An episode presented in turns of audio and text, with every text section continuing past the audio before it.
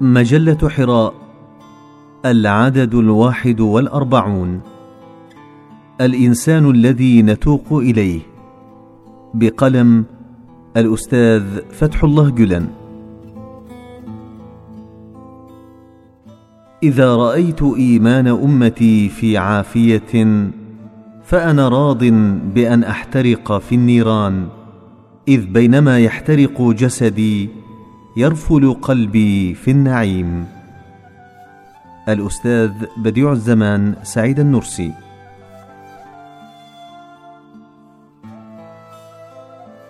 سنين وسنين ونحن في توق إلى الإنسان الذي ينقذنا ويضمد جراحنا ويكون بلسما شافيا لعللنا وأدوائنا سيما في أيام كهذه اكفهرت فيها الأجواء وأطبقت علينا الدنيا بظلماتها وتعقدت الطرق أمام أعيننا.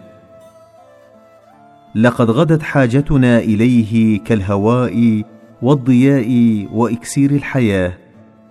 إنه المحبوب المنتظر الذي لن نمل من تفقده ومحاولة العثور عليه في كل مكان والتحري عنه من كل إنسان. سيظل محبوبنا ونشيدنا الذي نترنم به حتى لو يئسنا من وصاله وفقدنا أملنا في لقائه. كان ديوجين قد بلغ به اليأس مبلغه من مجتمعه ولا يفتأ يذكر قحط عصره من الرجال. ولا أدري هل لمجتمعنا مستوى من النضج يمكنه من تقبل هذه الحقيقة. نحن أمة في أشد الظمأ لشيء. ظامئون إلى إنسان عظيم يضمنا إلى صدره يخفف عنا آلامنا ويبدل ما أصابنا من عادات سيئة.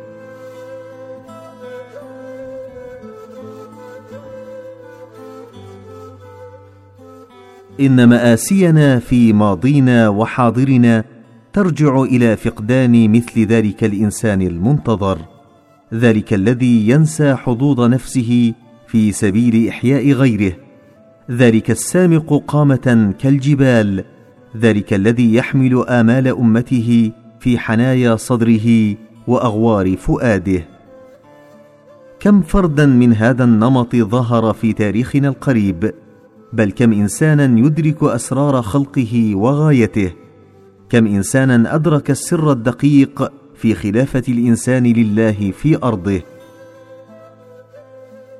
أجل إنما نبحث عنه يجب أن يكون إنسان قلب في المرتبة الأولى يستوضح في كل لحظة من حياته كل ما ينغلق عليه من ألغاز يستوضحها من كل جزء من أجزاء الوجود ويحاول أن يستلهم الجواب من أفق الغيب. بطل القلب هذا متعلق دائما بالسماء يبحث عن الحقيقة وكأنه يبحث عن ماء الحياة ثم يعب منه بعد العثور عليه لكي يترقى إلى مراتب الخلود. ومن ثم يؤسس عالم الإيمان والحب في خلايا المعرفة والعرفان التي أنشأها في عالمها الداخلي. إنه رجل سماوي نحو الخارج فاتح للآفاق ولدني نحو الداخل مكتشف للأنفس.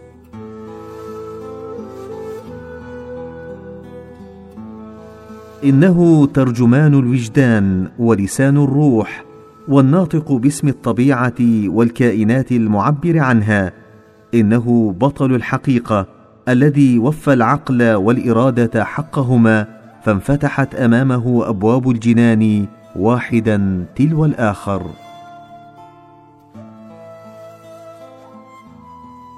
لا يستطيع الجهال الذين لا يأبهون بالبحث عن الحقيقة ولا النكدون الذين لا يقرؤون كتاب الكون ولا المحرومون من معرفة أعماق عالمهم الداخلي وساحة إرادتهم أن يشغلوا مكان ذلك البطل الذي نتلهف له ونتوق إليه.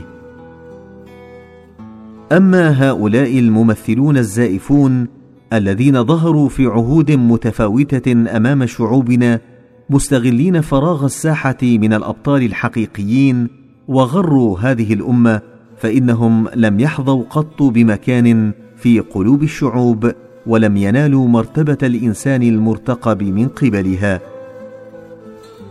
إن الإنسان الذي ظمئت إليه هذه الأمة هو رجل فكر تميز بتأمله العلمي وقطف لب المعاني وجوهرها وسمى إلى عالم الملائكة متحدا مع ذاته وجوهره متحولا من ذرة إلى شمس ومن قطرة إلى بحر ومن جزء إلى كل متخلصا من ثنائية الشعور والمادة رجل يقرأ ويفهم متضلع بالمعرفة مكتشف سر السمو بالإيمان ومستنزل بأذواقه الروحية جنات النعيم إلى قلبه. إن ذلكم الإنسان المرتقب الذي زين قلبه بكل هذه المعاني السامية مع الخلق أيضا كما هو مع الحق تعالى.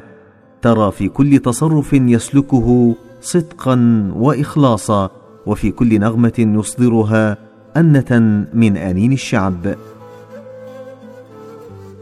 ليس لديه أنانية تسيطر على شعوره ولا غرور يصيبه حال النجاح ولا صرخة فرح عند الظفر.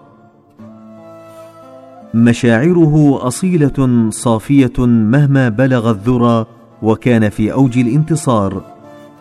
لا يسمح للمنافع الشخصية أو الفئوية أن تلوث أفقه الرحب الفسيح. ولا يستطيع الحقد والكراهية أن تكدر صفاء نظرته.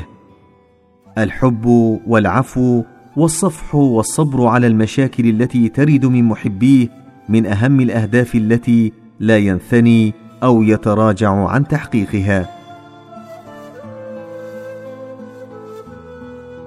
أما أولئك الذين يريدون بلوغ السعادة التي وعدوا الإنسانية بها عبر دروب الدماء والحرائق فهم من الوضاعة في السلوك والسخافة في العقول التي تشبه عقول العصافير بحيث سمحوا لأنفسهم أن يدخلوا في طريق ترفضه كل الكتب السماوية وجميع الديانات.